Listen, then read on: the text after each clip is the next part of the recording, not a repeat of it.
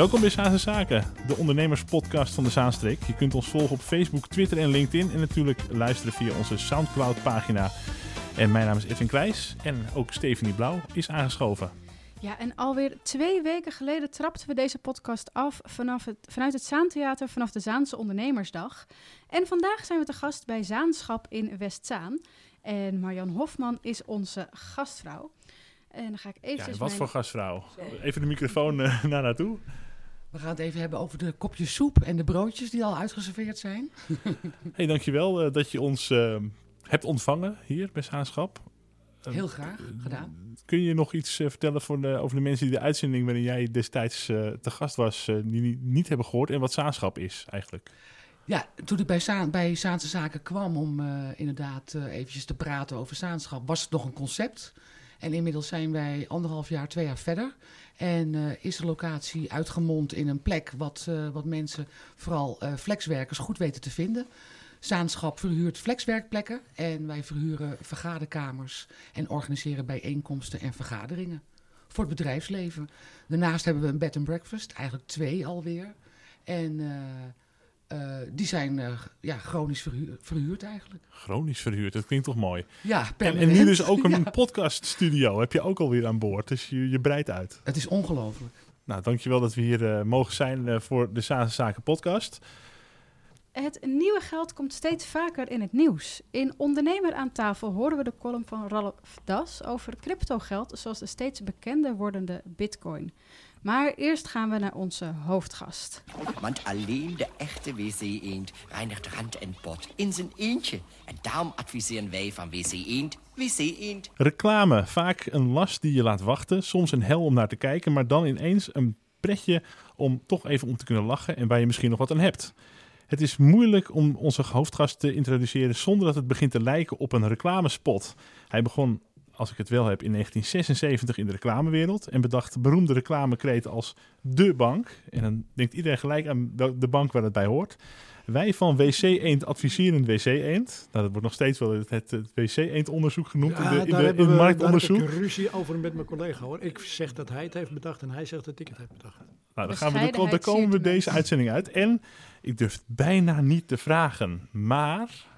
Mag en dan zien we natuurlijk... Uh, dan zien we natuurlijk ook uh, een BN'er in beeld en uh, van, een, van een verzekeringsmaatschappij was Ja. dat geloof ik. hè? Ja. Victoria Vesta. En, um, en, en ja, nog veel meer kreten. Hij schreef boeken als Sepklare Brokken of Sapklare Brokken en reclamejargon en werkt nu in een snel veranderende reclamewereld bij het Amsterdamse Skip Intro. Welkom Hans van Dijk. Dankjewel. Een sterk veranderende reclamewereld, stel ik dat goed? Klopt. Ja? Ja, uh, ik ben daar zelf ook een klein beetje voorbeeld van. Ik ben na een lang verleden in de traditionele reclame, zeg maar uh, radio, tv, dat soort dingen, uh, zelf een internetbureau begonnen in 97. Uh, dat was Skip Intro, tenminste dat was bedoeld als internetbureau, maar dat is, nooit, dat is mislukt. en dat kwam door een hele leuke klant want die kwam bij ons binnen. Uh, die zei: Ja, dat hele internetgedoe, dat heb ik al geregeld. Jullie moeten maar eens een beetje posters voor mij maken. En die klant was het Rijksmuseum. Uh, dus dat hebben wij graag gedaan. En sindsdien zitten we een beetje in de cultuur. Maar om op je vraag terug te komen, ja, de, de wereld is sterk veranderd. Maar dat is in elk huisgezin merkbaar. Uh, kijk, daar, zit ook, daar staat ook nog iemand op zijn telefoon te kijken. Iedereen is bezig online en uh, dat is de wereld tegenwoordig. Ja. En, en, hoe is het dan om, uh, om als eigenlijk een reclameveteraan, om jezelf zo steeds up-to-date te houden dat je ook in die reclamewereld goed weet welke weg je moet bewandelen? Nou, ik kan dat niet voor een ander zeggen, maar ik vond het zelf. Ik zat uh, in 85 achter een computer en dat vond ik hartstikke leuk. En toen kwam internet. uh, en dat vond ik enig. Ik had een modem in mijn computer geschroefd. Dat je van die geluidjes hoorde, wat je nog, weet je, van de fax, mm -hmm. van die piepgeluidjes. Mm -hmm. Dat zo'n. Uh, dus ik was een vroege internetgebruiker. Dus ik vond het ook leuk om daar uh, in verder te gaan. Dus je hebt jezelf al gewoon gemaakt om steeds uh, ja, op de hoogte Ja, te blijven van precies. de ontwikkelingen en zo. Ja. En uh, als je in 1997 al um, bezig was met internetreclame, zag je het dan ook zo voor je zoals het nu is met die gepersonaliseerde advertenties en eh, ja, dat het Eh, geen broadcast nou, om eerlijk te zijn, is het eh, veel slechter geworden dan we toen hoopten. Oh, leg eens uit. Ja. Nou, internet was ooit een, een, eh, een soort broedplaats van idealisten. Van, eh, ook in de reclame zelfs. Wij dachten, nu krijg je alleen maar reclame die je zelf wil zien. Eh, en eh, op tv en op radio breken we gewoon in bij mensen. En dan krijg je, je moet ze lastig vallen. En op internet hoeft dat niet. Eh, dat zou niet. eh, we hadden zelfs frequency caps. Eh, Ik weet niet of jullie dat wat zegt, maar eh, je, je zou, het zou zo kunnen zijn dat je, je kijkt op, zeg even op nu.nl, daar zie je een bepaalde banner staan, een stukje reclame. En onderhand houden we bij hoe vaak je dat ding gezien hebt. En als je hem vaker dan drie keer gezien hebt, hoef je hem nooit meer te zien. Nou, dat is volledig omgeslagen de andere kant op. Als je het één keer gezien hebt en als je helemaal de fout hebt gemaakt om het één keer aan te klikken, word je over het hele internet achtervolgd door Zalando of Ja, door de, koek- door de Ja. cookies en dan kom je op Facebook Ja, weer die, eh, ja. die site Ja. tegen waar je net op, eh, hebt, even op hebt gekeken. Ja. Dus dat is, dat is bijna zo irritant geworden als de gewone reclame. Reclame is toch altijd irritant? Nou, wij hebben altijd geprobeerd. eh, wij, ik zeg wij, omdat je, dat, je doet het allemaal nooit alleen. Je doet het samen met andere mensen. Ehm, in de reclame doet niemand iets alleen. Eh, maar we hebben altijd geprobeerd om, oké, het is reclame. Eh, we komen ongevraagd binnen. Dus dan moet je het wel proberen een beetje aardig te doen. Een beetje leuk. Proberen eh, mensen te entertainen. Ja, dat ook wel. Nou ja, goed, ja, vol- volgens mij zijn er nog steeds reclames voor wasmiddelen die, die iedereen irritant vindt. Ja, maar er is is- ook een reden achter dan. Of? Nee, eh, dat heeft vaak te maken met die opdrachtgevers. Die op de een of andere manier eh, alle creativiteit eruit weten te halen. Alles, dus ze krijgen heus wel voorstellen die interessanter en leuker zijn voor de kijker. Maar dat willen ze niet, want Procter Gamble, een van de grotere eh, leveranciers, en die, die hebben in Chicago, geloof ik, een hele boekenkast vol met formats staan. Een commercial moet er zo uitzien. Bijvoorbeeld, we hebben een, eh, een jonge vrouw en een moeder. En die adviseert dan, die jonge vrouw adviseert dan haar moeder. Is bijvoorbeeld een format. De, Nou, de als je- influencer die de eindbeslisser... Of, of Als je voor zo'n klant werkt, dan eh, kun je weinig doen. Maar er zijn gelukkig ook genoeg eh, adverteerders die eh, leukere dingen willen. Ja. Ik bedoel, we hebben jarenlang voor Hak gewerkt. Met Martine Bijl. met Martine Bijl. Ja. Nou, ik kan niet zeggen dat dat heel Dan kun je daar een, leuk verhaaltje of een was. sketchje Ja, van maken. Eh, wa- ik noemde al een paar ehm, van die sterke reclamezinnen op. Ja. Is het dan ook zo dat het... Ja, dan moet je talent voor hebben, dat het in je vingers zit, dat je aanvoelt hoe een goede reclame werkt? Of is dat niet zo dat je dan... Eh. jij bent een natuurtalent en ik zou het nooit kunnen of zo? Of andersom? Nee hoor, dat zeg ik niet. Nee, ik bedoel, ik- sterker, ik zeg wel eens, als ik, eh, ik ben in de 76 begonnen, als ik mezelf, eh, ik zou mezelf nu niet aannemen. Eh, Dat omdat is ik niet zo, interessant. nee, omdat ik niet zo'n ontzaglijk natuurtalent ben. Ik heb eh, veel meer het idee dat ik het heb geleerd door het te doen. En dat heeft een jaar of tien geduurd voordat je een beetje in de gaten krijgt wat ze eigenlijk van je verwachten. En wat je, waar je eigenlijk wat je moet doen. Daarom heb ik dat boek ooit geschreven. Dat ik dacht, ja, je, je komt bij zo'n bureau binnen.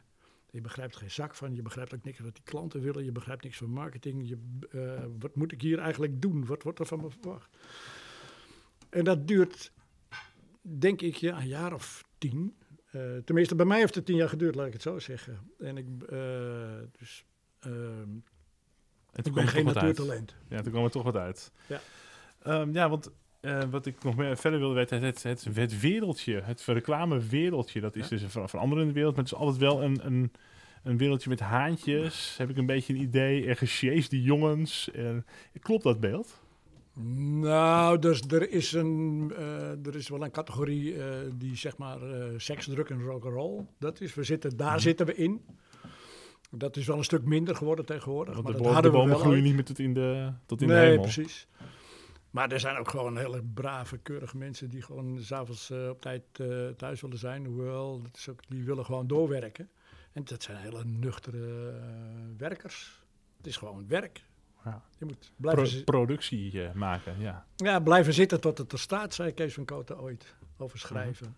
Dus, Hoe, eh, hoe creatief is reclame nu dan nog, als het eh, vooral om hard werken gaat? Ja, creatief, ik het een verschrikkelijk woord. Het is de, nee, ik wil mijn creativiteit kwijt. Het is een soort vindingrijkheid, een soort praktisch eh, handigheid.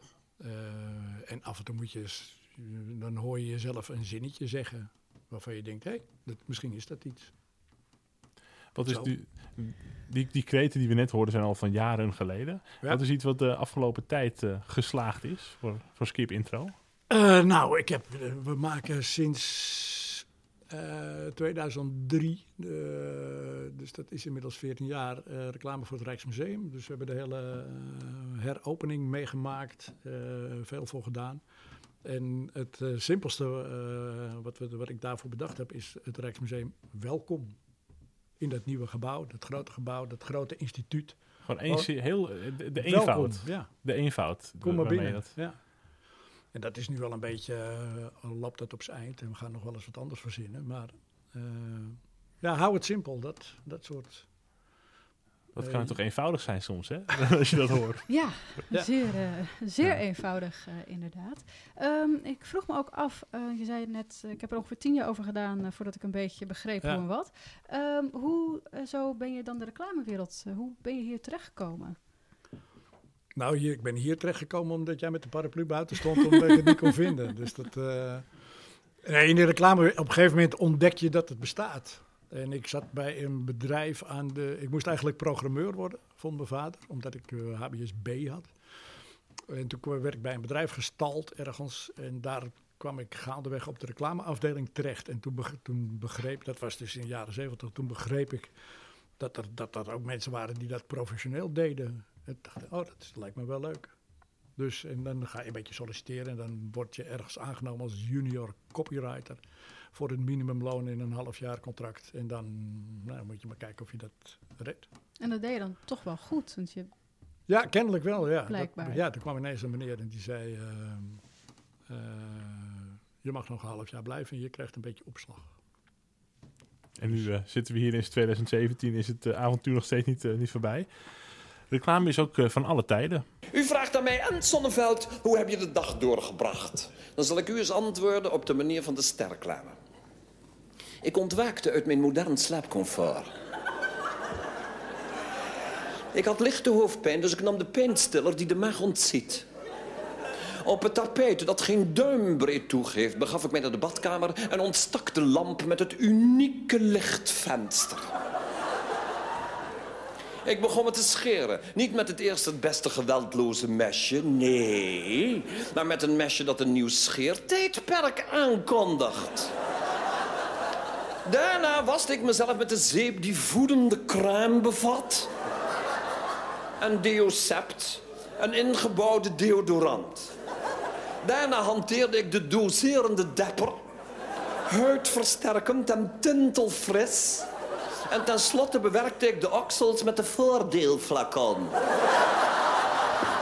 En het is inmiddels tijd geworden voor onze rubriek Ondernemer aan tafel, waarin eh, ondernemers uit verschillende vakgebieden ons meenemen in hun eh, vakgebied en een kijkje geven in de keuken. Ralf Das, Ja. onze columnist, welkom. Ja, nou leuk weer om hier eh, te Deze zijn. keer in de podcast setting Ja. bij Zaanschap in Westzaan. Waar gaat jouw verhaal over Het vandaag? gaat eh, eh, vandaag over nieuw geld. Ja, ja, je, ho- je hoort overal nou, in nieuws en op kranten, tv's. De hele tijd, iedereen is helemaal vol van bitcoins. Mhm. Ja, eh, crypto geld.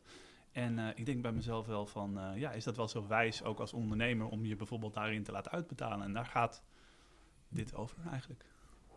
Dus eh, eigenlijk, ja, mijn, mijn titel is Nieuw Geld. Het zal de luisteraar van Zaanse Zaken niet ontgaan zijn. De laatste weken en maanden stonden de kranten, tv, websites en ook radioprogramma's bol van het nieuws rondom het nieuwe geld. Het zogenaamde cryptogeld. Met als voornaamste hoofdrolspeler de alsmaar stijgende koers van de grootste cryptomunt, de bitcoin. Nu kan ik hier in mijn column een hele uitleg gaan geven over de zin en de onzin van de digitale valuta's en de technische achtergrond die het allemaal mogelijk maakt. Echter wil ik mij gaan richten op de implicaties die het voor mij als ondernemer heeft gehad. En de beslissingen die ik heb moeten maken hoe ik hiermee om moest gaan. De crypto-gekte nam de laatste weken zelfs een dergelijke proporties aan dat ik in mijn dagelijks leven bijna elke ontmoeting of gesprek op, op zijn minst wel even herinnerd eraan werd. En of het nou mede-ondernemers waren of een vage kennis, iedereen vroeg zich af of ik in het nieuwe fenomeen had geïnvesteerd. En als het bleek dat dat niet het geval was, wanneer ik dat dan wel, wel ging doen. Ook raakte de trend mij direct als ondernemer. Naast enkele websiteprojecten die ik heb mogen ver- verwezenlijken waarbij de promote dienst of product direct betrokken was bij het gebruik, de validatie of de creatie van nieuwe geld, kreeg ik ook te maken met klanten die mij graag, eh, die graag de digitale munt wilden gebruiken in zijn primaire functie als betaald middel voor mijn diensten. En laat ik daar nou net even stellig in zijn. Dat heb ik altijd geweigerd en dat doe ik nog steeds. En ik zal proberen uit te leggen wat voor mij als ondernemer de beweegreden zijn geweest om dit te doen. Ik kan me goed voorstellen dat er veel ondernemers zijn die dit niet doen. Die munten accepteren en zodoen- zodoende na enige tijd flink wat waarde vergaren. Maar voor mij als hoofd, eh, hoofdreden eh, als ondernemer om dit niet te doen, is de- omdat er geen enkele vorm van garantie is op het behoud van de waarde van de munt. Dit maakt het interessant om dit te beleggen op de korte tot middellange termijn, maar naar mijn mening niet geschikt als betaalmiddel. En ja, ik was inderdaad nu redelijk vermogend geweest als ik in mijn projecten in 2011 in cryptomunten liet betalen, maar ik sta nog steeds volledig achter dit besluit. Er is geen centrale bank, er is geen vangnet en alles is volledig anoniem. En dat brengt mij naar een reeks aan secundaire redenen waarom ik de beta- betaling in crypto eh, geld weiger. Het ontbreken van een bank of centraal georiënteerd orgaan om creatie, waarde of validatie te orchestreren is zeer disruptief en voortvarend besluit, maar het sluit ook de mogelijkheden tot het heffen van belasting uit. En natuurlijk zijn er digitale munten die deze problemen proberen te adresseren, maar het blijft voor mij een waarde die net als zwart geld niet volledig deelneemt aan onze economie. Dit terwijl mijn arbeid en daarmee ook mijn dagelijks bestaan met zijn inkomsten en uitgaven daar wel elke dag in afspelen. Ik ben dus hier persoonlijk geen voorstander van. Het feit dat er flinke illegale handel bijvoorbeeld plaatsvindt met behulp van een cryptomunt vind ik daarentegen weer geen reden om het geld te weigeren. Vroeger gebeurde dit soort handels uit, uiterst en alleen in contanten om veelal dezelfde redenen. Eigenschappen van cryptogeld maken het uitermate geschikt hiervoor, maar het cryptogeld zelf is in essentie niks anders dan een middel van waardeoverdracht. Ook ma- eh, administratieve redenen heb ik liever geen cryptogeld. Door het anonieme karakter en veelal langzame transactie-omwisselcyclus is het administratief moeilijk, zo niet onmogelijk om aan te tonen dat de waarde X van partij B kwam, terwijl de waarde Y van partij A kwam. Mocht er onvermoed een belastingcontrole worden gedaan op de administratie, dan lijkt me dit niet erg makkelijk uit te leggen, ook al doe je niks mis. Natuurlijk heeft iedereen het recht op zijn eigen mening en misschien kijk ik wel heel anders dan terug naar dit stuk in tien jaar tijd. Zullen we dan afspreken dat jullie zwaaien als je langs me zoeft in je nieuwe Tesla Roadster? Dat spreken we af. ja. Ik ben toch nog een beetje eh, bang van, ja, het kan elk moment weer instorten, de bubbel. Nou, dat, dat is één ding. Eh, het, het, het tweede is dat ehm, dat fluctueert heel erg hevig. Maar je, de arbeid die je er tegenover zet, fluctueert natuurlijk niet. Je stopt er een heleboel energie in. Mhm. En eh, dat kan heel erg groeien, maar dat kan ook natuurlijk klappen. En op het moment dat je jezelf laat uitbetalen, dan, dan, dan ben je eigenlijk aan het beleggen. Zonder dat je het misschien wel helemaal zelf beseft. Mhm. En ehm, ehm, ja, dat is, dat is iets waar ik eigenlijk altijd van zeg van als dan een betaling gebeurt in bitcoin, zet het dan eigenlijk liefst gewoon meteen om in euro's. Want daarmee kan je sparen en niet beleggen. Dat dat is echt een keuze die je moet maken voor jezelf. En eh, je ziet ook eh, de afgelopen tijd heel erg booming. Hè? Je Ja. hoort veel, veel, veel meer mensen erom. En de, de krant en de oude media hebben het ook opeens eh, ontdekt. Dus de traditionele media je komt het al elke dag tegen dat, dat je erop wordt aangesproken. Van, Ja, doe jij er al wat mee? Ja, exact. Dus de- dat gesprek heb ik eigenlijk elke dag. Dat mensen vragen van, doe jij er wat mee? Misschien, waarschijnlijk via mijn achtergrond ook als een beetje als, als, als een nerd en als, als, als programmeur. Dan denken mensen van, god, die zal er wel iets mee hebben gedaan. Of die, zal wel in, inmiddels ja. hartstikke rijk zijn of zo. Maar dat, dat ben ik helemaal niet. Eh, en ik ben ook, ja, ik ben nou ja, een beetje bang. Ik ben, ik ben in ieder geval, ik ben- ik- voor mij is echt arbeid, zeg maar, eh, traditioneel wel een beetje heilig. Ik wil me graag in harde euro's laten uitbetalen. En dat raad ik dus ook altijd iedereen aan. Van ja, als je iets doet, dan is het eh, niet erg om risico te nemen. Maar neem dan wel bewust dat risico. En neem dat risico dan met wat geld wat je bijvoorbeeld over hebt. Wat je gespaard hebt. En waarvan je denkt van nou, dat, dat, dat, dat wil ik wel gaan beleggen daarin. Of daar wil ik wel een beetje risico mee lopen. Maar ga niet jezelf, je primaire Mhm. inkomsten in bitcoin laten uitbetalen. Als je niet precies weet wat dat gaat inhouden. Dankjewel, Ralf. Ja. Ik ben heel benieuwd wat Hans van Dijk hiervan vindt, van dit onderwerp. Eh, ik vind er niks van. Eh, nou, dan zijn we snel versneld. Nee, je maakt geen campagne voor een eh, Nee, nee, nee, nee. Ik, Bitcoin-investeerder vind of... het, eh, ehm, ik, ik, ik doe er niks mee, want ik, ik associeer het heel erg. Het is misschien naïef, maar ik associeer het heel erg met eh, ehm, eh, oplichting en, eh, en verkeerde mensen. Oplichting en verkeerde mensen. Maar het, het is toch al groter en officiëler dan dat? Of Ja, maar ik lees hier en daar ook wel eens dat, eh, maar dat weet Ralf wel, dat er hier en daar ook wel dingen al geklapt zijn. Ja, nou ja, er zijn natuurlijk eh, in de begindagen zijn er flink wat, eh, wat, wat, wat schandalen geweest. Er zijn een heleboel mensen hun geld eh, kwijtgeraakt doordat bijvoorbeeld eh, de, de, de ad- adresseringen, dus de, de, zeg maar de, de, de portemonnees van alle mensen op publiek werden gehackt. Hè? Eh, eh, dus dat, maar eh, dat, dat is waarschijnlijk in de begindagen van de banken, dat is heel ver achter ons, maar het is waarschijnlijk ook al gebeurd dat, eh, hè, dat er oplichting, eh, oplichting pra- praktijken waren. Maar ik denk, ja, de illegale handel is voor mij nooit echt een, niet echt een reden geweest. Omdat, ja, nog, nogmaals, bijvoorbeeld grote partijen met drugs werden in contanten afgerekend. En nu wordt er eigenlijk niks anders dan de digitale variant van contanten worden ter verwisseld. Eh, maar ja, dat, dat, dat is. Maar ik snap, ik, ik snap de associatie wel, ja, tuurlijk. Dat, dat was ook het eerste waar het echt voor gebruikt werd. Op, op het dark web om dingen te verhandelen die het daglicht niet konden verdragen. Ja. Ja, nou, ik blijf ook nog gewoon- even bij de, de Nederlandse euro als betaalmiddel. Dat valt nog niet mee, zo'n beestje rijden. Maar gelukkig heb ik meer verstand van verzekeren. Wat zie ik? Een echte harem. Ik durf het bijna niet te vragen, maar... eh, mag ik even? We praten verder met Hans van Dijk, reclamemaker en eh, al eh, heel veel ervaring. Ook twee boeken geschreven, eh, alweer een tijd terug. Nou, één Of- boek of- en een heel klein boekje. Een boek, en dat, we- er bestaan alleen maar boeken, geen kleine boekjes. Een boek is een boek. Een van die boeken was reclamejargon. En die bevatte ook een eh, overlevingsgids voor als je wilde overleven in de reclamewereld. Ja. Overleeft niet iedereen dat? Nou, wat ik al zei, de- als het, eh, bij mij duurde het tien jaar voordat ik het een beetje begreep. En ik denk voor die, als je nou zo'n boekje schrijft over hoe je, dan moet je een beetje duidelijk, vrij snel duidelijk maken over hoe doe je dat nou goed. En met jouw boek, als iemand dat gelezen heeft, doe je er dan korter over dan tien jaar om het allemaal te begrijpen? Dat, hoop ik wel, ja. ja ik, ehm, ik denk dat je er 25% korter over doet. dus Oh, dat het oké. 7,5 jaar is. Nou, dat scheelt. Ik zeg maar wat, want getallen doen het altijd goed. Ik kijk, eh, tip. Ja. Ik kijk zelf heel graag eh, naar filmpjes op eh video-sites die dan over een bepaald onderwerp, dus niet op YouTube, maar die hun eigen Ja. content beheren. eh, eh, en die dan met adverteerders vooral het geld moeten binnenhalen. Ik zie dat heel veel van die sites nu struggelen, dat de adverteerders zich terugtrekken. Die zitten dan bijvoorbeeld in de gamesbranche of in de films, filmbranche. En de adverteerders trekken zich terug. En die beginnen heel erg met alternatieven. Dat je daar kunt, eh, nou eigenlijk premium lid kunt worden. Of dat soort eh, lidmaatschappen. Dat de, community meer zich gaat betalen. En dat aangevuld met reclames. Het lijkt erop dat adverteerders zich terugtrekken uit media. Nou, dat valt nog mee. Ik denk dat de, de dingen, eh, die zijn voortdurend in beweging. Hè? Maar ik, we hebben tegenwoordig de influencers. En dat zijn mensen die nog wel redelijk goed betaald worden. Dus vloggers die een, iets, een, een vlog maken over een bepaald onderwerp. We hebben heel veel van die meisjes die in eh, make-up spulletjes zitten en die dat allemaal Mhm. eh, doen. Eh, en die zijn redelijk belangrijk geworden. Niet dat ze nou heel veel geld binnenhalen, sommigen wel.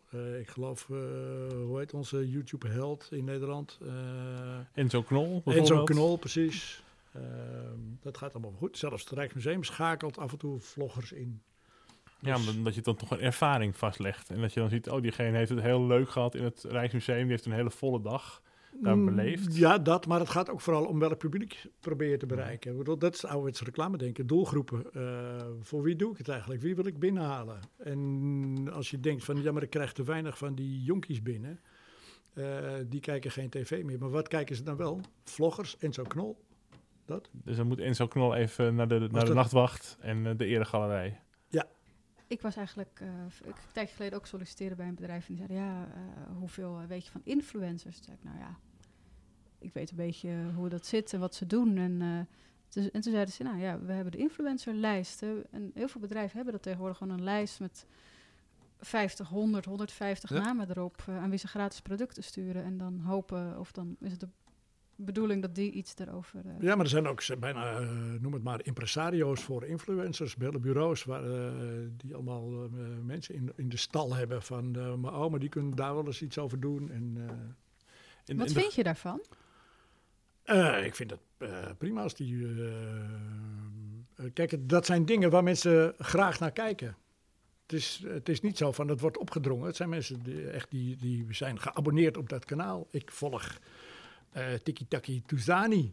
Daar heb ik ooit, eh, ook al een filmpje meegemaakt. Maar dat is ontzettend leuk. Dat is, eh, vind ik enig Voetbal, hè, te gaat kijken. het over. Voetbal gaat Ja. het over. Ja, trucjes. En er Kunstjes. is ook een influencer over welke voetbalschoenen ik moet kopen of welk trainingspak. Ik denk dat hij behoorlijk gesponsord wordt door Nike. Dat weet ik Ja? niet zeker. Maar ik zie eh, vrij veel van die swoesjes in beeld verschijnen. Zijn dat, is dat het logootje? Nike-logo, maar dat Ja. ook niet van, zal ook niet voor niks zijn natuurlijk. Nee, zeker niet. Nee. Zoals dat wij eh, ook sluikreclame hadden aan het begin van, de, van deze podcast. Dat is, eh, maar dat is ook om even ja. iemand eh, te bedanken natuurlijk. Voor het Maar- zaanschap. Eh, Zaanschap. Echt, Ah, eh, zit je de warmpjes bij hoor, dat kan ik wel zeggen. En dan vraag ik me wel af nog even over de influencers. Ehm, wat is dan nog de rol van, eh, van, van jou als, als reclamemaker? Ehm, die rol wordt inderdaad minder. eh, maar het is nog steeds. De, reclame, goede reclame begint met een idee. Eh verzin, een, verzin een idee en eh, ga dan pas eh, kijken hoe je dat allemaal de wereld inzet. Heb je voor dat idee een influencer nodig? Of moet je juist, wat voor mensen probeer je te bereiken? Moet je in, bij wijze van spreken, dat doet bijna niemand meer, moet je in de dagbladen, moet je gewoon een advertentie plaatsen? Ja, de traditionele advertentie, is, wat, is daar Ja. iets mis mee? Werkt Nee, dat er is niks mis mee. Met de traditionele tv-commercial is ook niks mis. Daar bereik je, als je echt heel snel heel veel mensen wil bereiken... en je hebt ook nog een beetje geld... dan is dat een meesterlijk middel. Die influencers, dat is allemaal leuk... maar dat gaat, duurt heel lang. Ik bedoel, als, als een- zo'n influencer 300.000 volgers heeft... dan is dat heel veel. Met Maar- een maar- beetje, ik geloof met een, een beetje met een commercial op de late avond... waar niemand meer kijkt... behaal je er ook 300.000. Dit is, dan is het echt puur de, de prijs per oogbal die je dan naar je reclame trekt. Hè. Is, is dan, Ja. is dan eh, heel in- interessant. Alleen dan is het een hele brede doelgroep. Is het- Dan is maar een klein deeltje wat jouw eigen doelgroep is. En dat is veel belangrijker natuurlijk. Nee, het gaat altijd om de mix. Van wat, wat voor eh, middelen kun je allemaal gebruiken en hoe kun je ze bij elkaar. En daarom is een, een idee, eh, dat houdt de boel een beetje bij elkaar. En dat kan je dus op het, op het, in, in elk medium apart op een andere manier gebruiken. Wat zijn je eigen favoriete reclames of campagnes?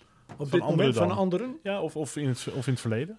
Ehm, nou, ik vind nu die eh, de, de failliete miljonair vind ik heel erg grappig. Van de Eh, telefoondienst, ja. ja. telefoonabonnementen, ja. Ja, dan moeten we ook wel even de naam erbij Ja, noemen. Telfort. Telfort, precies. Eh, nee, dat, dat, eh, dat is een, iets waarvan ik denk, nou, dat vind ik ontzettend leuk, goed gemaakt. Albert Heijn, de, de winkelchef, jarenlang. eh, dat was een meesterlijke campagne. Wat maakte dat zo goed? Eh, ik heb de, van de makers ooit gehoord. ehm, die zeiden, die, wa- die waren hier in Zaandam eh, bij de directie. En die, die jongens, we moeten iets doen. En toen, dat was in de tijd dat Albert Ahold voornamelijk een beursfonds was. En eh Diederik Kopal, een van de beroemde reclamemakers, zei, heeft tegen Albert Heijn gezegd... Jullie moeten gewoon weer eens een supermarkt worden. Maar gewoon met een, met een winkel en een chef. En er moeten dingen gebeuren. Ehm, dus wij gaan een, een chef voor jullie maken. Dat is een- met een beetje tegenzin hebben ze daarin toegestemd. Ook zo'n oer-Hollandse, zo'n Ja, boerenlul-chef was het ook, ja. ja. Die probeert leuk te zijn en eh, met zijn personeel. Nou, hartstikke leuke campagne. Heeft tien jaar, tien jaar gelopen. Daar ben ik stik jaloers op. En nou stond hij, eh, eh, hoorde ik, eh, op, de, op de stoomboot zaterdag na Sinterklaas. Dat is dan, eh, net als je tien jaar zo hebt geschitterd, dan mag je op tv op de stoomboot. Ja, maar hij is het niet meer, toch? Nee, nee, daarom. Maar de, de, acteur is, nu, is nu zo gepromoveerd dat Ja. hij nu, ja. Het hoogste wat je kunt worden is Sinterklaas zelf natuurlijk. Ja, dat, dat heeft hij niet, eh, maar dat is, eh, dat is eh, maar, een, maar een, man en die heeft al 1100 jaar ervaring, gelukkig. Is er iets wat je over de psyche van de mens moet weten? Eh, moet, je, moet je een beetje psycholoog worden als je in de reclame gaat? Ja, koude grondpsycholoog moet je zijn. Een beetje begrijpen hoe mensen in elkaar zitten. Beetje, maar dat weet je als je over jezelf nadenkt of over je schoonmoeder. Dan begrijp de je ook wel. Of de buurman, precies. Hoe dat werkt. Mensen hebben heel erg de neiging om, bijvoorbeeld om iets te noemen, om te rationaliseren. Ze kopen iets en wij denken eh, dat ze dat heel wel overwogen doen. Dat denk ik zelf ook hoor, als ik iets koop. Ja, precies. Ik ook. Denk dat ook. Maar eh, dat doe je natuurlijk helemaal niet. Die, die, die beslissing neem je op basis van een soort intuïtie. Je koopt iets, je ziet het jezelf doen. En achteraf ga je naar redenen zoeken eh, waarom je dat hebt gekocht. En daar, eh, reclame speelt daarin ook een rol. Die redenen Dat die je wel. Ja. Weet je wel, de eh, advertenties voor auto's werden, worden vooral gelezen door de mensen die net die auto hebben gekocht. Dus- Ja, zie, zie je wel, want daar staat toch een argument in die advertentie waarom hij is veiliger. En in- Waarom je tegen je, de buren kunt zeggen, eh, nee, maar de, of Oh. tegen je zwager is dat altijd. Eh, nee, maar deze auto is heel goed, goed want daar zit een HZA in. een pardon? Een, nou ja, iets. Een. HSSA, oh, een, een Eh, ja. ja. Ik heb bijvoorbeeld in mijn auto nu een ding die hij remt automatisch als je in de file staat. Nou, dat vind ik echt. Ja, dan moet je echt een nieuwe hebben gelijk, hè? Dat is toch Hmm. wel... eh, Ja, is, eh, is redelijk nieuw, maar het is, ja. maar het is geniaal. En heb je ook dan in de afgelopen jaren meer geleerd over, eh, over de mens? Ehm, nou, ik weet niet of de reclame nou iets is waar je heel veel over de mens leert. Ik bedoel, ik over heb, de consument? ik heb nog wel een jaar eh, recreatief psychologie gestudeerd. Maar dat was uit gewoon het eigen interesse. Eh, nee, je leert wel iets over de consument. Je, weet, je begrijpt wel een beetje. Wat je, wat je voornamelijk doet in de reclame is kijken van hoe zit dat oriëntatieproces in elkaar. Als iemand gaat kopen een, bedoel, een koptelefoon. Heb jij op, jij ook. Ehm, eh, hoe doet hij dat? Waar oriënteert hij zich? Eh, en wat wil je dan eigenlijk weten? En waar, wat, wat zijn de momenten en wat zijn waar je kunt proberen iets te beïnvloeden? En hoe doe je dat dan? Nou, dat is, waar je, dat is de, zeg maar het, eh, wat het vak is. En daardoor kom je in wat dan heet de customer journey, kom je allerlei momenten tegen waarvan je denkt, hé, maar daar, kunnen we, daar zouden we misschien dat moeten doen. En daar zouden we eh, daar iets Hoe, hoe ver gaat dat dan? Hoe ver? Tot nou ja, tot op de winkelvloer. En er, is een, eh, er zijn mensen die beweren dat eh driekwart van de aankoopbeslissingen worden in de winkel zelf genomen. Eh, of dat helemaal waar is, weet ik ook niet. Dat weet niemand. Ik ken wel het voorbeeld van, nou, dan loop je door de supermarkt en dan is er opeens een heerlijke appeltaartgeur. En dan gaan Ja. mensen toch maar even een appeltaartje kopen. Maar dat wordt dan ook kunstmatig door de ventilatie. eh, of, of ze bak je eerst even appeltaart. Nou, dat soort trucs, dat, dat denken we allemaal dat dat er is. Maar dat gebeurt niet. Nou, Al die... Ja, als je een huis gaat bij verkopen. mijn vorige ja, ja. werkgever gebeurde dat eh, wel. Die hadden speciale... eh, ja, ik heb bij de Mediamarkt gewerkt. Ik weet niet hoe belangrijk dat... eh, Ja, Ja, namen maar- zeker belangrijk. Daar eh, bij de koffieapparaten hing een geur eh, verspreiden met Ja, verse ja. bonenkoffie. En bij ehm, de, de grote televisies eh, eh, vers nieuw leer. Want het was een mannenwereld en die hielden Ja, ja. van vers leer. Ja. Ehm, ja, allerlei geuren. Ja, ik kom, werd el- er ik kom elke keer met een televisie daar vandaan. Elke keer dat ik daar Elke toevallig- week. ja, dus dat komt dan daardoor. Maar dat zal met die... Ja, ik heb toch Nou, geen ik vind het ook leuk Ja. om daar rond te lopen. Maar ik ben zo gluiperd die het dan uiteindelijk online koopt. Ja, nou, dat, eh, Dat zal 9 van de 10 wel, eh, wel doen. dat ja. is eh, iedereen. Ja, ja zeker. Ehm, nou had je het net over de customer journey. Ja. Dat, eh, dat is jargon. Eh, dan heb jij boeken geschreven over jargon. Heb je meer van dat soort leuke eh, jargon-uitspraken of woorden die je echt moet weten als je reclamemaker bent? Ja, ik weet niet of je het echt... Ik, ik ben zelf... Ik, vind het een beetje raar dat we zoveel Engels spreken. En ehm, de, elke tekstschrijver noemt zich copywriter. Eh, alsof dat iets anders of beter is dan... Ik vind sowieso dat we zijn in Nederland wel heel erg gevoelig voor Engels. Als mensen iets in het Engels zeggen, dan lijkt het alsof dat interessanter is en beter is dan als het in het Nederlands Ah, is. yes, yes, yes.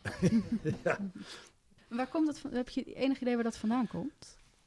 Ehm, nou, we proberen ons natuurlijk ehm, altijd te spiegelen als, als, kleine, eh, als inwoners van een klein landje, te spiegelen aan iets groots. We willen wel meedoen met de wereld. En dan, ik denk dat dat het is, dat je daarom dan dingen in het Engels zegt. En, eh, want we zijn een klein landje, maar hoe groot zijn wij in de reclamewereld? Zijn we dan ook een klein landje? Ehm, ja, in principe wel natuurlijk. Ik bedoel, die, die markt is gewoon klein. Als je kijkt naar Amerika of, of Engeland, daar die, die markten, en Duitsland ook met name, het is een veel grotere markt. Het zijn veel grotere budgetten. eh, daar worden dan ook grotere dingen gemaakt. Eh, maar tegelijkertijd eh, zijn de procedures daar veel ingewikkelder. Ik bedoel, in, in Amerika heb je bureaus, die zijn, daar zitten 500 man. En daar zit een creatieve afdeling van 100 man. En er zitten creatieve groepen van 15 man. En de één man, ah, dan ben je, ik ken die mensen wel. Dan, dan mag je blij zijn als er één zinnetje wat je hebt geschreven eh, in een tv-commercial terechtkomt. Dus in En Nederland... de rest de, worden die zinnetjes van al die verschillende tekstschrijvers, copywriters heten ze daar dan, eh, die worden of weggefilterd of eh, iedereen zit te schrijven en uiteindelijk is er een soort baas die die zinnetjes dan achter elkaar zet. Hier ben je van A tot Z bij het hele proces betrokken en veel praat je zelf met de klant veel leuker. Dat is jouw project en jouw kindje, ja. Precies. We hebben weer veel geleerd uit de reclamewereld. Hans van Dijk, dankjewel. Tijd voor onze exit call. Eh, onze, onze afkondiging, sorry. Ook eh, Ralf Das, hartelijk bedankt voor je column. Hij zit daar gezellig op de bank eh, met onze andere teamleden. Katja Zwart en Peter Seets, die ook in dit programma hebben meegewerkt natuurlijk. Mijn naam is Edwin Kleijs en Stephanie Blauw. Eh, bedankt. En natuurlijk onze gastvrouw van Zaanschap, Marjan Hofman. Gaan we even verklappen. Leuk heel voor, eh, voor, het, eh, voor het publiek. Dit was onze ehm, aflevering 2 alweer van de podcast. Allen bedankt, ook voor het luisteren. Onze volgende aflevering die nemen we op tijdens de open dag van het Summertown Medisch Centrum. In dit nieuwe centrum, een verzamelgebouw voor verschillende medische diensten, is iedereen eh, welkom op 9 december. Dan hebben ze de open dag. En Summertown is te vinden op de hoek van de Weer met de Vermiljoenweg in Zaandam. In de tussentijd volg je Zaanse Zaken op Facebook, Twitter en LinkedIn.